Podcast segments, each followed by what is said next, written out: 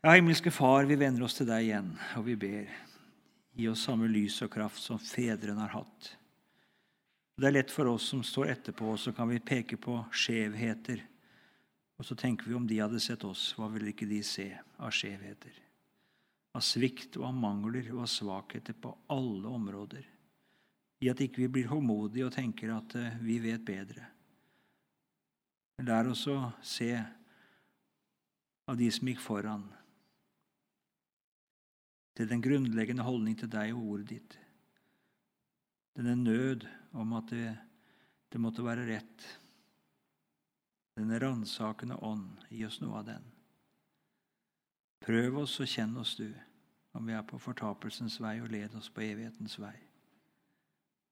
Amen. Vi kom i forrige time til sosianismen. Jeg skal bare gå forbi den det var bare å nevne at eh, begynnende eh, skal vi kalle det rasjonalisme, eh, den, den er der. Det begynte med en, en reaksjon eller eh, motstand mot treenighetslæren. Egentlig det som man ikke kunne forstå, det som var ufornuftig. Og prøvde på en måte og ville gjerne ha en kristendom som passa med fornuften. De sannheter som ikke kunne stå for fornuftens prøve, de ville man ikke ha. Det kommer vi til seinere. Men det er der allerede. Altså på 1500-tallet så begynner sånne strømninger. Det har ingenting med pietisme å gjøre. Det har noe med åndsstrømninger som, som er der og lever parallelt, eh, side om side med en grunnleggende tro på Skriften i de kristne samfunn. Så, og det skal etter hvert uh, gjøre sin entré også langt inn i kristenheten, men det er litt senere. Pietismen Vi kan veldig grovt regne det fra 1650 til 1750. Det har gjerne vært sagt 1675. Året da Philip Jakob Spener skrev sitt forord 'Pia Desidera' til en ny utgave av John Arns 'Sanne kristendom'. Eh, og Likevel så er det nok sånn at eh, det, det, er ikke, det, er ikke, nå det kommer noe vesentlig nytt. Det er ikke sånn, altså. Den hadde ikke noe ønske, pietismen og de pietistiske teologer og prester, om å bevege seg bort fra den ortodokse lære. Det var ikke en læremessig reaksjon. Eh, det er ikke noe oppgjør med en, med en, en lære man var i, var i, strid med. Ikke sånn. Det er ikke bevisst at det er noe nytt heller. Man vil ikke ha noe nytt. Eh, og Likevel er det en viss forskyvning. Det er, en, det er en annen synsvinkel på mye. Det er et annet fokus eh, enn det som ortodoksien har hatt. Vi kan si det at Mens ortodoksien har hatt fokus på den rette lære, på det objektive, på, eh, på, for, på en sann og rett formidling av Guds ord, så er pietismen mer opptatt av den enkelte, den personlige gudsliv, liv den, det, eh, og det personlige liv med Gud. Det er det mange i ortodoksien som også er opptatt av, men nå får det på en måte en helt annen plass. Så Det er på dette praktiske, både personlige og praktiske kristenlivsområdet at pietismen utmerker seg. Litt om dens kilder for pietismen. Eh, det er slik at det er en viss opptatthet av det vi kan kalle middelaldermystikk. Vi skal ikke overdrive det. Eh, katolske bønnebøker det ble lest etter reformasjonen. Thomas A. Kempis bl.a. og andre. Eh, stort sett var det bøker som handlet om sjelens indre liv med Gud. Og det var ikke den katolske lære. Det gjorde Luther. Det, det var det flere som gjorde. Så, så, så vi skal ikke overdrive det. Ja. Nå hopper jeg over side 12, ja. Oi, oi, oi. Da går vi tilbake igjen. Jeg skal snu sidetallet, vet du, så ikke bare legge de vekk. ja. Beklager. Helt riktig. Hvor gjorde jeg av det jeg skulle på nå, da? Hvor havna den sida der? Beklager, da skal vi ta med oss Da hopper jeg over langt, ja. ja. Vi får ta det først, da. Wisløff tar oppgjør med to rådende tanker med hensyn til ortodoksi og pietisme. Eh, to synsvinkler som har vært der. Eh, den døde ortodoksi og den levende pietisme. Det har vært et synspunkt eh, som Ja, vi kan komme tilbake til det. Det andre synet, den sunne ortodoksi og den utartede pietisme. Det første synet er preget av tanker som allerede fantes i ortodoksien selv. Gerhard og andre teologer klaget over dyp åndelig nød og mye vanekristendom. Den dansk-norske kirketuktsforordningen av 1629 Legg merke til årstallet. Midt i ortodoksiens tid. Den sier at mange i den forfengelige mening befunden er at den sanne gudstjeneste fornemligen og aleneste består udi utvortes kirkegang, sakramentenes udvortes bruk, sjungen, beden og dess like, uansett deres levned og omgjengelse ikke befinnes Guds ords vilje lik og ensformig. Tenk det altså står i den dansk-norske kirketoktforordningen av 1629. Det er et veldig bevissthet om manglende personlig gudsliv. Det er ikke skrevet 100 år seinere, altså. Dette er skrevet midt i ortodoksiens tid. Så det, det, er jo typisk pietistisk, vil si, en sånt syn. Men det er altså i ortodoksiens tid. Heinrich Müller, midt også i ortodoksiens tid, sier at Kirken har fire stumme avguder. Prekestolen, alteret, døpefanten og skriftestolen. Det er ikke det at eh, vi skal tro at det sto så dårlig til med de sanne kristne i ortodoksiens tid. Men disse sanne kristne sørget over at ikke alle levde som kristne. Vi skal ikke fra disse utsagn si at det var bare død kristendom. Nei, det er nettopp tegn på en levende kristendom at man sørger slik og taler slik. Så var det en moden, våken tid for at alle er ikke frelst, og de skulle vært det. En veldig nød. Målestokken var nemlig at alle i kongens rike skulle være kristne. Og vi finner ak akkurat den samme klage ikke sant, hos Brorson. Av døpte vrimler stad og land, men hvor er troens brann? Det er egentlig akkurat det samme som ble sagt av de ortodokse. Vi finner en ortodoks botsfremhet eh, hos Arnt og Gerhard, og ikke så veldig forskjellig fra den vi finner hos pietismens sentrale prester og teologer, salmediktere. Og vi ser at dette er noe som vi også møter hos Luther. Han taler på samme vis. Det er ikke noe nytt.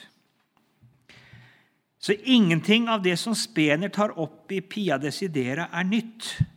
Det var alt sammen tatt opp tidligere av andre i ortodoksiens tid. Det er én ting som er nytt. Det er konventiklene. Dette med småmøtene. Det er heller ikke nytt. Det hadde Luther talt om, men aldri egentlig gjennomført. Luther tar til orde for det at det burde vært samlinger, møter, for de som på alvor ville være kristne, i tillegg til den offentlige gudstjeneste. Hvor hver av dere han tok utgangspunkt i det, ikke sant? hvor det skal være vitnemøter. altså, Hvor hver av dere han siterer det, har noe å komme med. Men han fant ikke at tiden var åndelig moden for det. Han, han, var redd for at her var man ikke modne for at hver enkelt kunne komme. Men det var, det var, de var for lite grunnfestet. Det var ikke åndelig modenhet. Men det burde det være. Det hadde lest han i Bibelen, men han gjennomførte det aldri. Det vil nå pietismens ledende personer ta på alvor og utsette ut i livet. Det som Luther hadde tatt orde for. Ortodoksiens eh, De som da kan du si, sto i den ortodokse tradisjon, de så på disse konventiklene som farlige. For de truet med å oppløse den måte, kirkemessige enhet og kontroll. Man så at nå mister vi kontrollen. Nå, nå, det, det, er noe av den samme frykten som Luther hadde. Det er viktig, det. altså. Eh, så, så det var også ansatser hos Luther at det, eh, tiden er ikke moden. Det er for, det er for, her kan det komme ut mye rart. Det har jeg hørt. Det skulle være, det skulle være vitnemøter. Det var tre predikanter som var spurt på forhånd. Det måtte ikke komme ut av kontroll. Men Det skulle være vitnemøte, men det var tre predikanter som var spurt om å ha et vitnesbyrd på forhånd. Så det er den frykten det kan komme ut av kontroll. Og det kan det. Hvis kan et vitnemøte det. Det er opplevd. Det kan det absolutt gjøre. Så vi forstår det. Vi skal ikke tenke for Og særlig ikke er, man er vant med det, skal vi skjønne skepsisen. skal skjønne det. Um, og Likevel så var også statspietismen, som vi får senere, Den var jo preget av tvang, tenker vi. Men det var ikke mer enn statsortodoksien var. Alle skulle være kristne. Så det har ikke noe med pietisme å gjøre. Eh, allikevel så ble det følt sterkere i pietismens tid, for da var det en helt annen individuell tankegang. Det var ikke så kollektivistisk som det hadde vært tidligere. Det er borgerskapet som vil ha personlig individuell frihet. Det er strømninger som er mer individualistiske, og så oppleves denne tvangen verre. Før så var det selvsagt. Vi er en del av dette riket og denne fyrsten, og vi har bare å gjøre som vi får beskjed om. Eh, det var mye mer kollektiv tankegang. Ja. tenker en at den individualiseringen har kommet utenfra og virker inn på hvordan en tenker i kristenlivet? Og i hva grad kan en tenke at de strømningene som er i kristenlivet, ja, jeg tror absolutt det er. Det er klart at det, det måte vekt på det personlige i gudslivet. Det er ikke bare fordi det er et fremvoksende borgerskap som nå plutselig er økonomisk uavhengige og ikke er under en eller annen lensherre eller en eller annen godseier. Det har noe å si, det skjønner vi. Men samtidig så er det nok sånn også at den, eh, selve kristendommen eh, på en måte som sier 'du', og som er personlig, at den også preger samtidig de som eh, den evangeliske forkynnelsen, som ikke er katol Katolisisme er mye mer kollektiv. Eh, ikke så eget på det personlige gudsliv. Personlig kristne er veldig fremmed idé og tanke i katolsk verden. Det er klart mye mer eh, i evangelisk sammenheng. Slik at eh, så en sånn, Dels er det eh, den, den, evangeliske kristendom som virker det. Dels er det samfunnsforhold. Det er, det, og det er, det er, ikke motsetninger, men de, de forsterker hverandre. Så, så, det er nok begge deler, tenker jeg. Eh, det andre synspunktet pietismen er avvik og frafall fra den sunne lære. Ja, de tankene møter vi også, særlig overgangen fra ortodoksi til pietisme. Eh, man fant det at her hadde man øst litt av urene kilder. Det var ikke bare, var ikke bare Arnt, Luther, Gerhard altså Disse leste middelaldermystikere. De gjorde det. Eh, så ble det tatt, ja, det må det være alvorlig galt, for de har lest slike. Eh, mange av dere har lest John Bunyan. Jeg håper at mange av dere har gjort det. Man var jo baptist. ikke sant? Det er skummelt. Skjønner poenget? Det at du har lest noe av en annen sammenheng, betyr jo ikke dermed at eh, Og du har sikkert lest en del andre ting òg som er fra, fra andre røtter. Som jeg, som jeg, tenker, ja, her var det noe som virkelig var verdt å akte på. Det betyr at, ikke at man sluker resten rått. Og det skal vi tenke her også. Selv om man leser noe her om bønnen og om sjelens indre liv med Gud, så betyr ikke det at man kjøpte hele læren. Eh, Luther gjorde absolutt ikke det. Eh, og jeg tror heller ikke Arnt gjorde det. Hva med de ortodokse teologer som brukte Aristoteles? Jo, vi ser at det er enkelte ting her som nok preger mer enn det burde. Og likevel, så stort sett, så, så var det Bibelen og ikke Aristoteles som preget deres lære. Eh, og Likevel så leste de Aristoteles og, og, fant enkelte av hans begreper og måte å tenke på som på en måte anvendelig som begrepsapparat i den, i den ortodokse teologi. Vi kan sitere Augustin. Det betyr ikke at vi deler Augustins syn på rettferdiggjørelsen. Og så videre. Så Eh, pietismen har også av enkelte konfesjonelle lutheranere fått skyld for opplysningstid, rasjonalisme, den liberale teologi. Man forlot den objektive vi var innom det, ikke sant? Og så nå, overlot, nå, nå, ble det på en måte den, den, det personlige eh, erfaringsliv, følelsesliv, som på en måte nå kom i fokus. Og derved er liksom veien kort til rasjonalisme til opplysningstid, til, til, eh, til liberal teologi. Jeg tror den er for enkel. Jeg sa det, Sosianismen den møter vi allerede altså på reformasjonstiden og i tidlig ortodoksi, som er en sånn rasjonalistisk bevegelse. sosianismen. Den løper parallelt. En tro på menneskets fornuft, en tro på, på en måte, og det individuelle. Det som skal stå, skal stå prøve for mennesket, det er der. Og Likevel så er det noe i det. Det er slik at det, både eh, også den pietistiske eh, teologi har et, når den har et mer personlig preg eh, og opptatt av den personlige erfaring og følelse, så, så, kan det lede bort fra det objektive. Det kan det. Sånn at, eh, og Likevel så tror jeg det er for lettvint å si at pietismen er årsak til opplysningstid. Det er ikke sånn. Kanskje heller si det at det, det gjorde at de rasjonalistiske tankene fikk lettere gjennomslag eh, eh, i en, den, det, det åndsklimaet. Ja. Eh,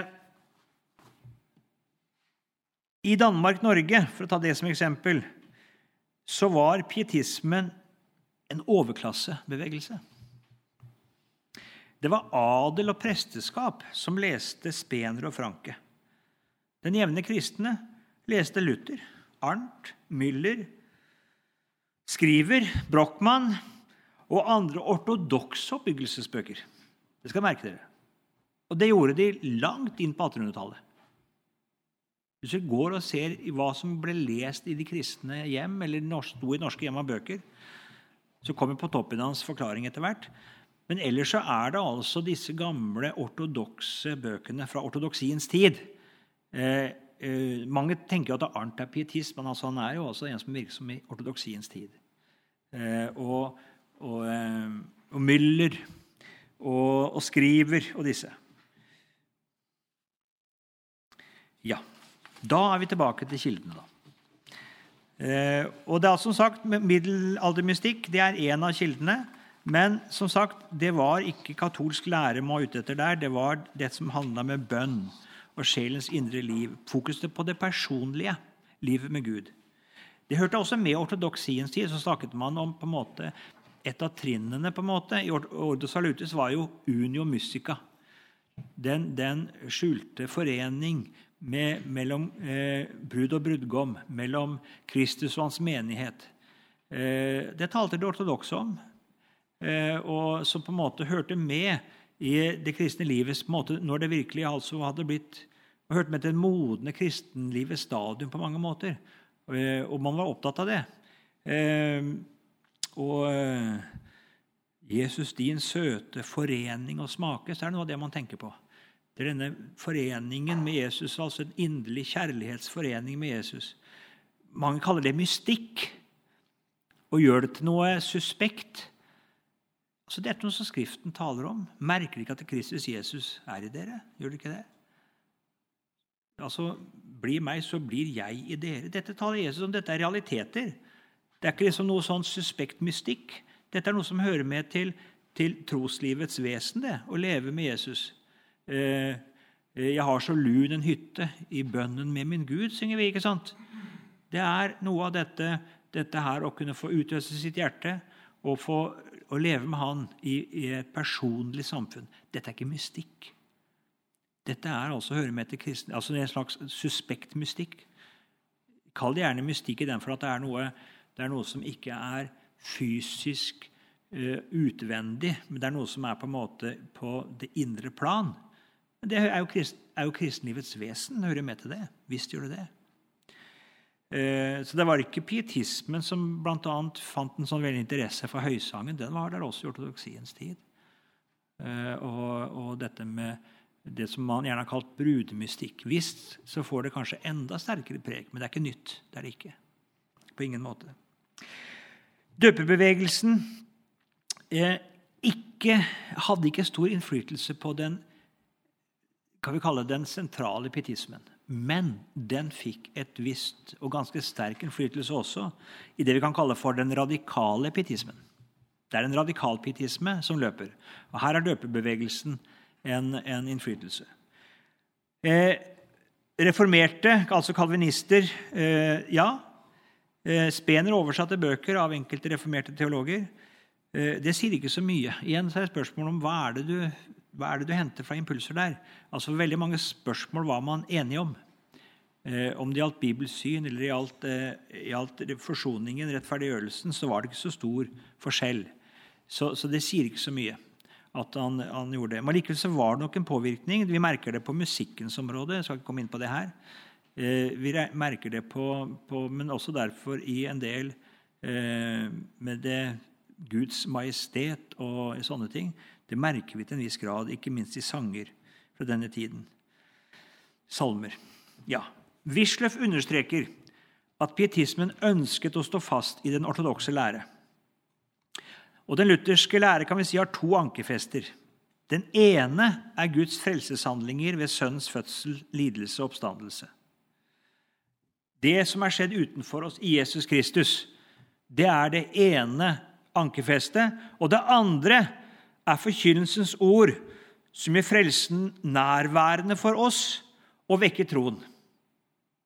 Altså det er den objektive frelse, og det er forkynte ord som bringer frelsen til meg. Nådemiddelkristendom. Eh, hos Luther hørte disse to moment veldig sterkt sammen. Nå er det slik at Ortodoksien betoner det objektive frelsesverket veldig sterkt. Pietismen så det er viktig også å betone den personlige tilegnelsen og virkeliggjørelsen av frelsen. Altså skal vi si det, det er ikke helt riktig, for vi har sagt det, ikke sant, at ortodoksien hadde mange sånne toner. Og Likevel så var det på en måte Jesu person, Guds ord, eh, eh, eh, læren Fokus på det, altså på det objektive, det som Gud gjorde. Det var hovedfokus i ortodoksien. Og så var det ikke så mye. Man kunne snakke om det, om ordo salutis og systematisk, sånn læremessig. Og Likevel så var det ikke like sterkt fokus på den personlige frelsestilegnelsen. Livet med Gud i det praktiske hverdagsliv heller ikke. Eh, så holder både ortodoksien og pietismen fram sentrale sannheter begge er berettiget, men vektleggingen er forskjellig. Det er viktig. Så Vi skal ikke gjøre det nødvendigvis til motsetninger. Det er vektlegging i første omgang. Pietistene taler mer om omvendelsen enn om dåpen. Er det galt det ortodokse sier om dåpen? Nei, det er det ikke. Men pietistene taler mer om omvendelsen. De sier ikke noe annet om dåpen, men det har ikke den samme plass. Eh, de taler mer om det sanne kristenliv i helliggjørelse enn om rettferdiggjørelse. I ortodoksien var det motsatt. Det kunne nesten bli helt borte tale om det kristne livet og helliggjørelsen. Fordi man talte vesentlig om rettferdiggjørelsen så er begge deler bibelske sannheter, men det er vektleggingen som er forskjellig. Man talte, altså Synsvinkelen var også forskjellig. Vi har vært inne på det. Man talte ikke i pietismen så mye om ordets virkekraft i seg selv, men om hvordan ordet mottas i hjertet. Også igjen begge dere er bibelske sannheter, men vektlingen, innfallsvinkelen, synsvinkelen er forskjellig. Ortodoksien retter seg med sin forkynnelse til alle. Alle skal jo være kristne. Pietismen retter seg til den enkelte. Eh, hvis det er noen som leser Kirkegård, så skriver han 'til hin enkelte'. Det er jo etter pietismens tid, da, men det er noe av dette personlige. Eh, ikke 'kjære menighet'. Nei, hin enkelte. Det er Kirkegård. Altså. Det er noe av pietismen. Eh, du møter i sangene så møter du jeg. Ikke så mye vi og oss, men jeg, meg. Det personlige. Den kan ha frelst meg. Eh, og, så, så, det er et mye mer personlig, individuelt sikte. Eh, ortodoksien forholder seg til den synlige kirke, pietismen til den usynlige. Alle var kristne, altså rent sånn formelt i ortodoksiens tid. Men pietistene de var Man visste jo det i ortodoksiens tid også. Alle, alle, var ikke det. Men pietistene de tar på en måte det på alvor, og så taler de til den lille flokk. Jo, de taler til de andre òg, men de må omvende seg eh, og, og, bli en del av den lille flokk. Det er en helt annen individualistisk synsvinkel i pietismen. Vi skal se på noen sentrale lærepunkt og lærestridigheter. Vi har allerede vært innom det, dette forholdet mellom ordet og ånden. Og Spener hevdet da at mennesket uten Den hellige ånds hjelp kunne skaffe seg en død kunnskap i Guds ord. Merk deg det en død kunnskap. Ortodokse teologer hevdet at det var vranglære, og hevdet at mennesket kunne ha kunnskap i Guds ord uten Den hellige ånds hjelp. Igjen, husk synsvinkelen. Ortodokse ser på ordet. Det er blitt til ved Guds ånd. Det er Guds ånd som taler. Den kunnskapen kan ikke mennesket få uten at Den hellige ånd er med. Pietistene ser det fra andre synsvinkel, ser mennesket som ikke er født på ny, som ikke har Den hellige ånd, og likevel kan møte Bibelen og lære om den ut ifra sin fornuft. Det er to ulike synsvinkler, og man taler om litt ulike ting. Så ikke lag den motsetningen større enn den er. Eh, ånden var alltid ordet, sier de ortodokse. ikke sant? Og selv om mennesket er uten Helligånden sitt hjerte, så er selve opplysningen, den kunnskap det får, det er ved Den hellige ånd.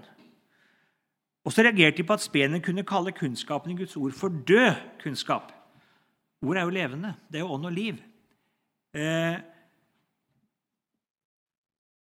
igjen så er det ulik fokus. De ser på ordets virkekraft, ikke sant? hva ordet er. Og Spener ser på at denne kunnskapen er død for den som har hørt den, for den har ikke skapt liv. Den er der bare som på en måte, Den, den, den har, ikke, har, ikke, født den på ny. Den er på en måte bare en kunnskap. Som, så det er igjen ulik synsvinkel. Ikke overdriv motsetningene.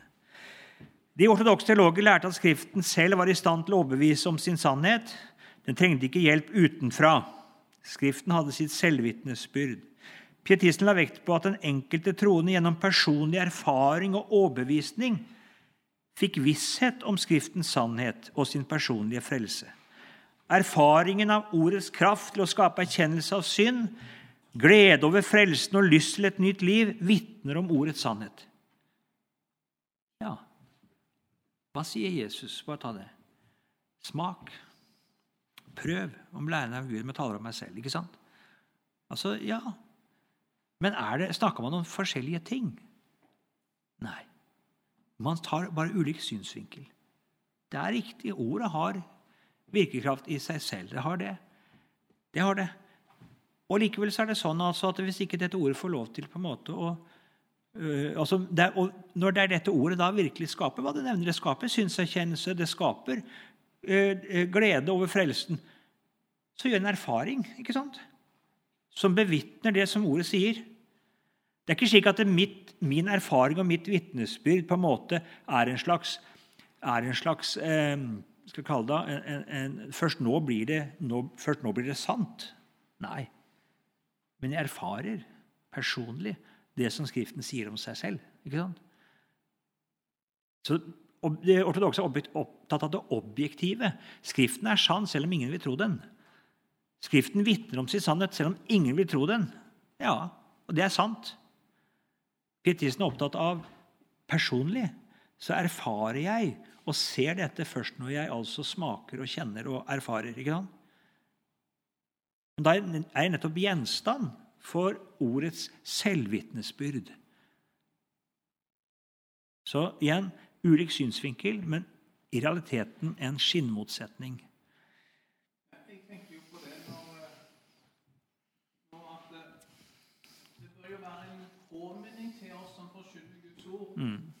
At vi skal vokte oss litt for våre synsvinkler. Ja. Altså Den som taler, taler som Guds ord. Så er det klart, Vi kommer ikke fri av at vi står der vi står. på en måte. Ja, ja. Men, men, at vi skal søke å tale som Guds ord. Ja. At uh, vi prøver å tone ned at vi stadig skal ha det i vår synsvinkel. på en måte. Altså, bare ta eksempel. Altså, det er jo som eksempel, altså, du, kan tale, eh, la, du skal tale som Guds ord. Det vil si, taler du Rombrevet 4, da taler du Rombrevet 4. Altså Abraham ble frelst ved tro uten gjerninger. Taler du Jakobs brev, så taler du Jakobs brev. Der har Skriften en annen synsvinkel. Den taler om den dødende, levende og tro. Troen uten gjerninger er død. Det er ingen motsetning. Det kan gjøres til en motsetning. Det har gjort en motsetning, men det er ingen motsetning.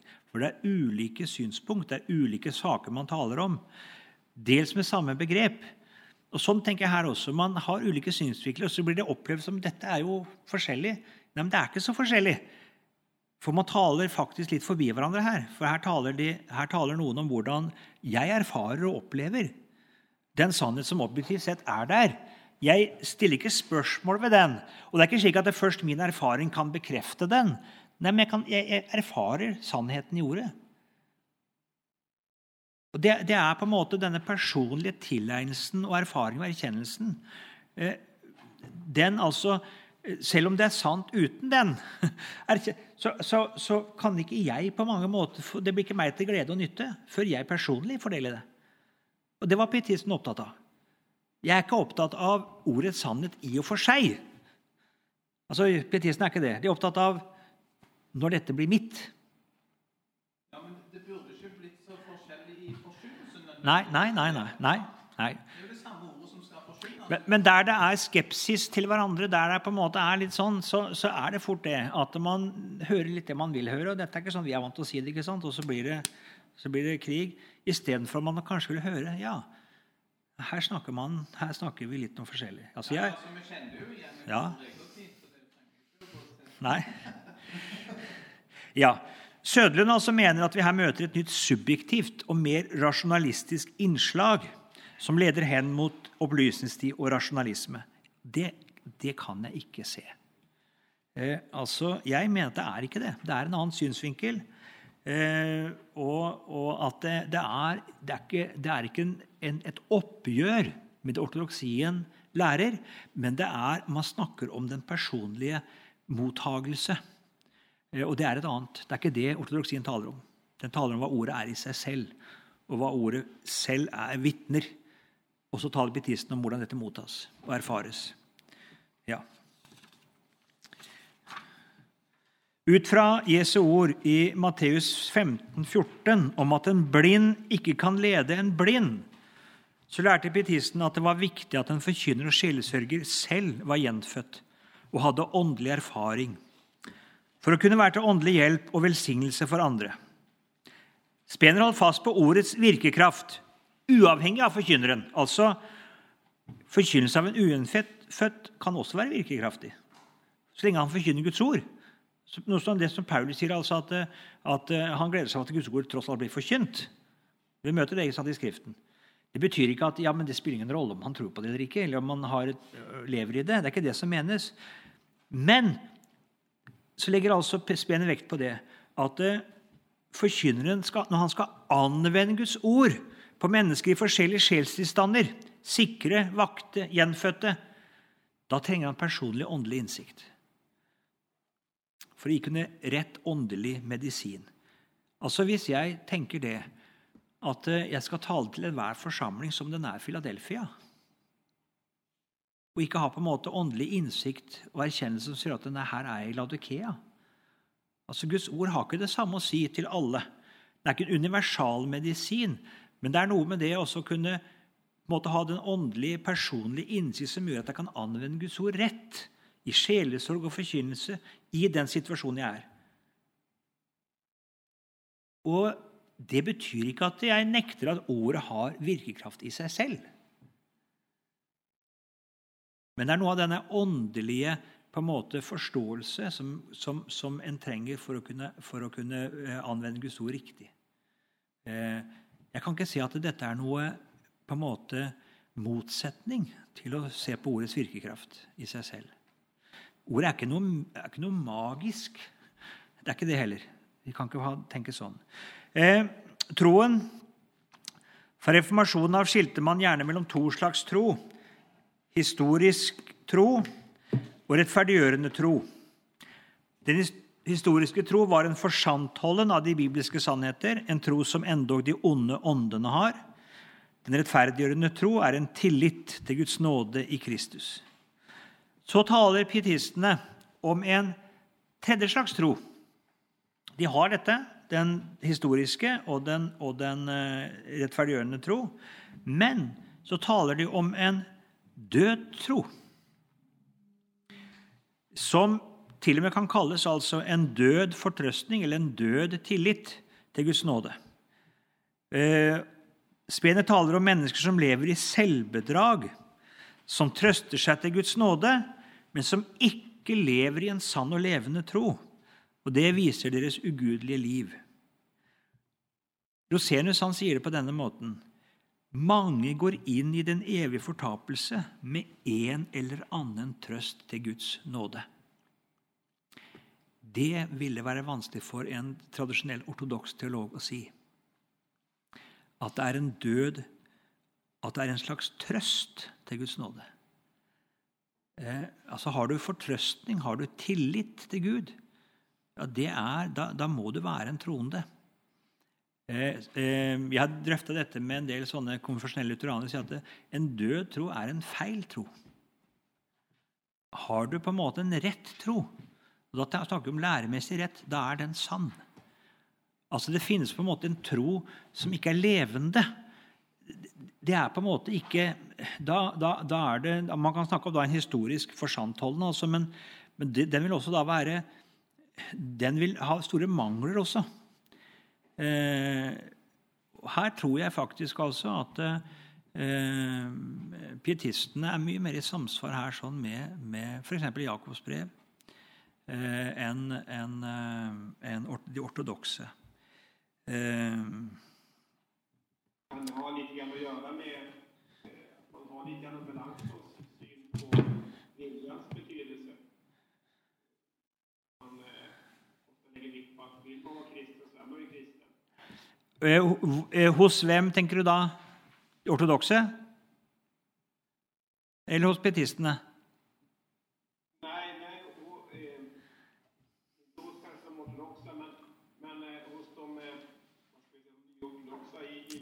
Ja, ja. ja sånn, ja. ja. Ja, jeg tror kanskje De vil jo tvert imot si det at de vil jo være kjempeenormt læremessig imot viljen. Men, men, erfaringen er nok den som du sier, altså når, når man, man, er så livende redd for eh, eh, og, at det skal bli synergisme og Derfor man, forstår man ikke på en måte det som handler om eh, nødvendigheten av eh, synserkjennelse eh, og eh, skal jeg si det da? Altså det, det, Man har ingen forståelse for omvendelseskampen og på en måte eh, den trange port. Dette, for dette blir på en måte noe som ødelegger rettferdiggjørelsen. Rettferdiggjørelsen er skjedd utenfor oss, eller har skjedd utenfor oss, og det å bli frelst er å komme til tro på dette. Og Hvis jeg da snakker mye nå om saliggjørelsens orden, det er det antipetistiske her, sånn, om vekkelse, omvendelse Ja, da er det noe tillegg. Det er ikke nok med Kristus, det er noe mer som må til. Og Derfor så blir troen gjort til nesten ingenting. Eh, den blir egentlig en tilslutning, og den kan jo alle få til. Eh, for det i det øyeblikket jeg taler om troen som Guds, noe som Gud skaper, og som, og som, at det skjer en overbevisning ved Den hellige ånd om synd. og Nei, men Nå blir det jo så mye jeg skal igjennom, ikke sant? og dette blir et krav. Det kan jo ha vært i, i pietismens tid. Så er dette blitt forkynt som et slags krav. Men ta bort det med krav. Men det er bare noe her at uh, uten at et menneske kommer til sannhetserkjennelse, uten at mennesket kommer til en, en, en personlig eh, tilflukt til Jesus, så er det ikke frelst. Eh, så eh, å bli født på ny og få en levende tro Ja, men fordi man ikke klarer å forholde seg til det Bibelen taler her, eh, for de tenker at dette blir noe i tillegg til det Jesus har gjort. For å si Det sånn at det er det som Jesus har har åpna Guds hjerte for synderen. Jeg kan ikke legge noe til det. Det som snakker om omvendelse og tro, det er det som åpner menneskets hjerte for Guds nåde. ikke sant? Men så tenker man annerledes. At nesten Gud står med korslagte armer og sier at du, jeg får se om du har en sann og levende og rett anger. Og, ja. og Sånn tenker man at all tale om dette er. Så nuller man det ut. Så det å tro det er da bare å slutte seg til læremessig. Og det er noe du kan få til. ikke sant? Å stille spørsmål da om du virkelig lever, om du virkelig er sann tro. Nei, nei, nei, nei, nå er du på ville veier. Nå er, det, nå er det ikke nok med Kristus. ikke sant? Så ender man faktisk til å gjøre denne forsantholden til den levende tro. Jeg tror det er der man havner. Og, og fordi man altså ser på alt dette som har med eh, behovet for den personlige omvendelse og, eh, og tilflukt til Jesus som en gjerning, som en dyd, så, så Man kan lære ikke å se på det som altså den tomme hånden som tar imot, eh, og at det er en tilflukt. Og at det er på en måte den, den, den syke som trenger til lege. Man, man, klarer ikke å se det i det lyset der. Det, liksom, det blir noe som stilles som krav.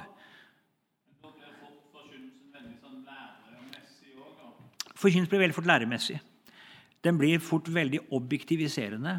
Eh, måte, man, man, snakker om synden. Man skjønner ikke vitsen med dette med, med syndenød. det, for det, det, er jo, nei, så man snakker Du er en synder. Læremessig holder det fram.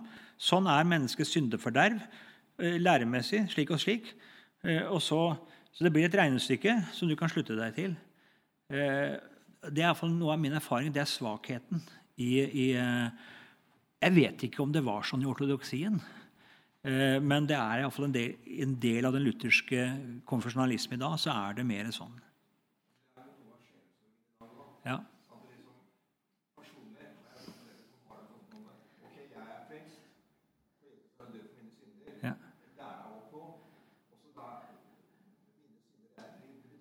Nei.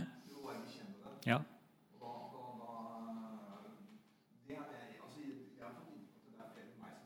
Ja. ja. Nei, det stemmer, det. Det er, det er noe av det. Så, så eh, Bare ta opp litt her sånn, eh, hva Heggelund skriver her. sånn. Han, han sier at Spener lærer Bare kom inn på dette. Eh, at rettferdiggjørelsen utgår fra gjenfødelsen som dens første frukt. Og så mener man her å finne Ossianders gamle vranglære. Det ble også Spener og pietistene anklaget for. at de lærte som Ossiander. Jeg tenkte det lenge. Jeg leser Pontoppidan, ser det samme hos Pontoppidan. Eh, han skriver det at, eh, at rettferdiggjørelsen er gjenfødelsens første frukt. Det er å saken på hodet. Og jeg eh, dundra mot på toppiddagen. Dette var jo ikke luthersk. For det er slik at et menneske kommer til tro. Gud rettferdiggjør den ugudelige, sant? som venner seg til Jesus. Og så, alle som tok imot ham, de ga han rett til å bli Guds barn, og de er født. Så gjenfødelsen er altså en frukt av, av rettferdiggjørelsen. Ikke motsatt at rettferdiggjørelsen er en frukt av gjenfødelsen. Det er jo å sette helliggjørelsen og fornyelsen foran. Og sånn anklaget man Spener. Men når jeg har lest Troens speil og Eh, og leste kollegium pastorale praktikum av, av på Toppidan, så forsto jeg du taler om noe annet på Toppidan enn det jeg tenker når du snakker om gjenfødelsen. Du taler, bruker ordet gjenfødelse på en annen måte. Du taler først og fremst Der ville jeg sagt tro. Og Da kan du tenke på Luthers fortale til rombrev, som nok har vært preget dem i, i ordbruken. Troen er et guddommelig verk i oss som forvandler og føder oss på ny av Gud. Man ser på altså gjenfødelsen så ser man at den har to sider. Man tenker det, For den ene side er det eh, et helt nytt forhold til Gud. Jeg er altså, jeg har, uh, Fra å stole på meg selv og stole på alt eget, så venner jeg meg til Jesus. Det er et helt, Da går jeg over fra døden til livet. Jeg, ja.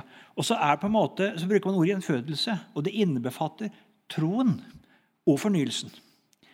Eh, og selve det grunnleggende gjenfølelsen er troen. Troen er et guddommelig verk i oss. Slik at man, Der jeg ville bruke ordet tro, der bruker Spener og Pontoppidan gjenfødelse. Men man tenker ikke på så mye på fornyelsen. Men man tenker det som griper om livet i Kristus. Bo ja.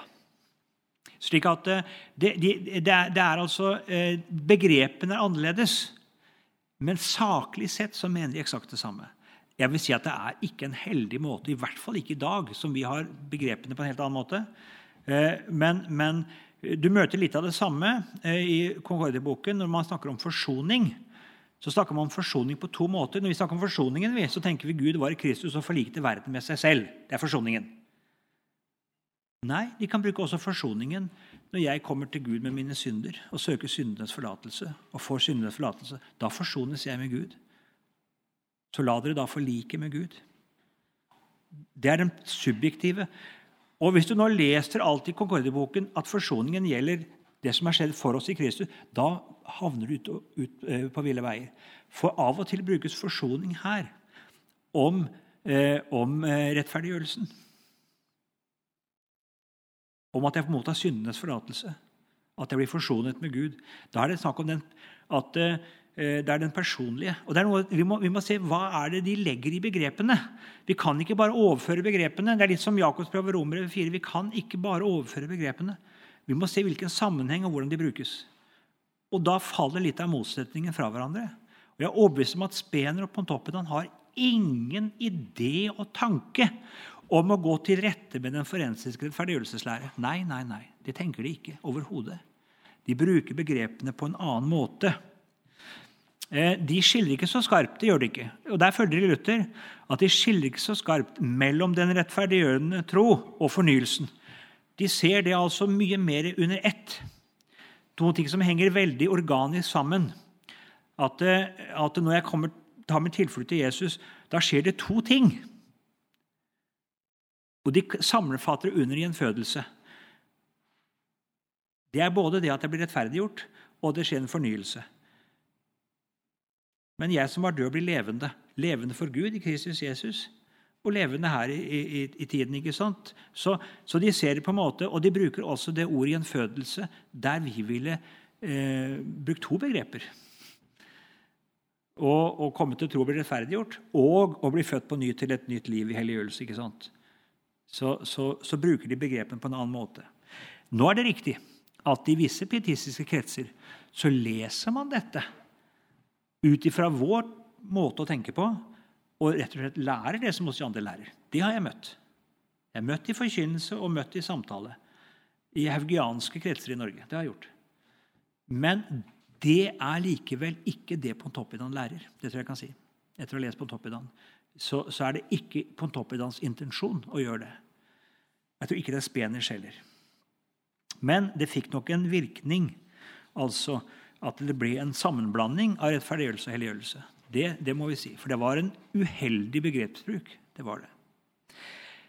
Litt om eschatologien skal vi snart gi oss. Eh, Spener trodde på et framtidig tusenårsrike på jorden etter en antikristig trengsel, hvor det jødiske folk skulle komme til tro, og det skulle bli velsignede tider på jorden.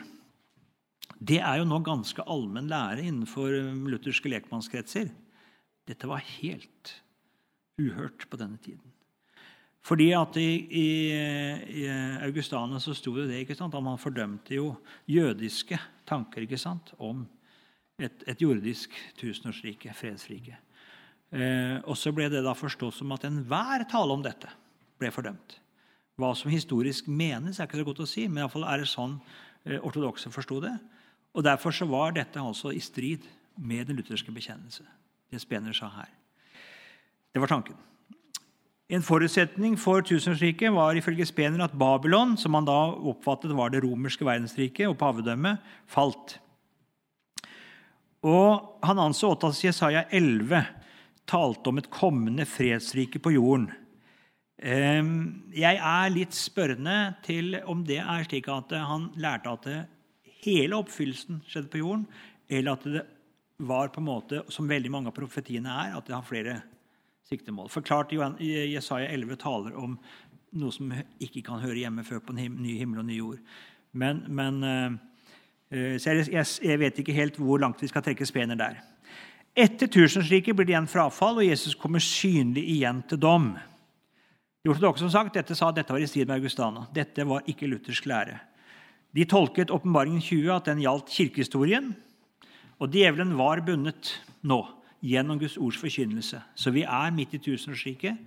Nå er vi kanskje på vei mot dets avslutning, i og med at uh, djevelen slippes løs igjen. Det var altså de ortodokses fortolkning. Eh, og de tolket Romerbrevet 1126, da, at hele Israel skal bli frelst.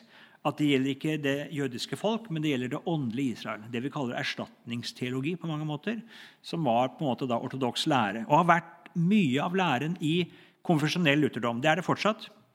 Så er det vi kaller erstatningsteologi, og, og eh, en eh, fullstendig avvisning av enhver tanke om en framtidig tusenårsrike. Det er luthersk lære hvis dere går til Missouri-synoden eller Wisconsin-synoden eller de lutherske bekjennelseskirker. så er det sånn.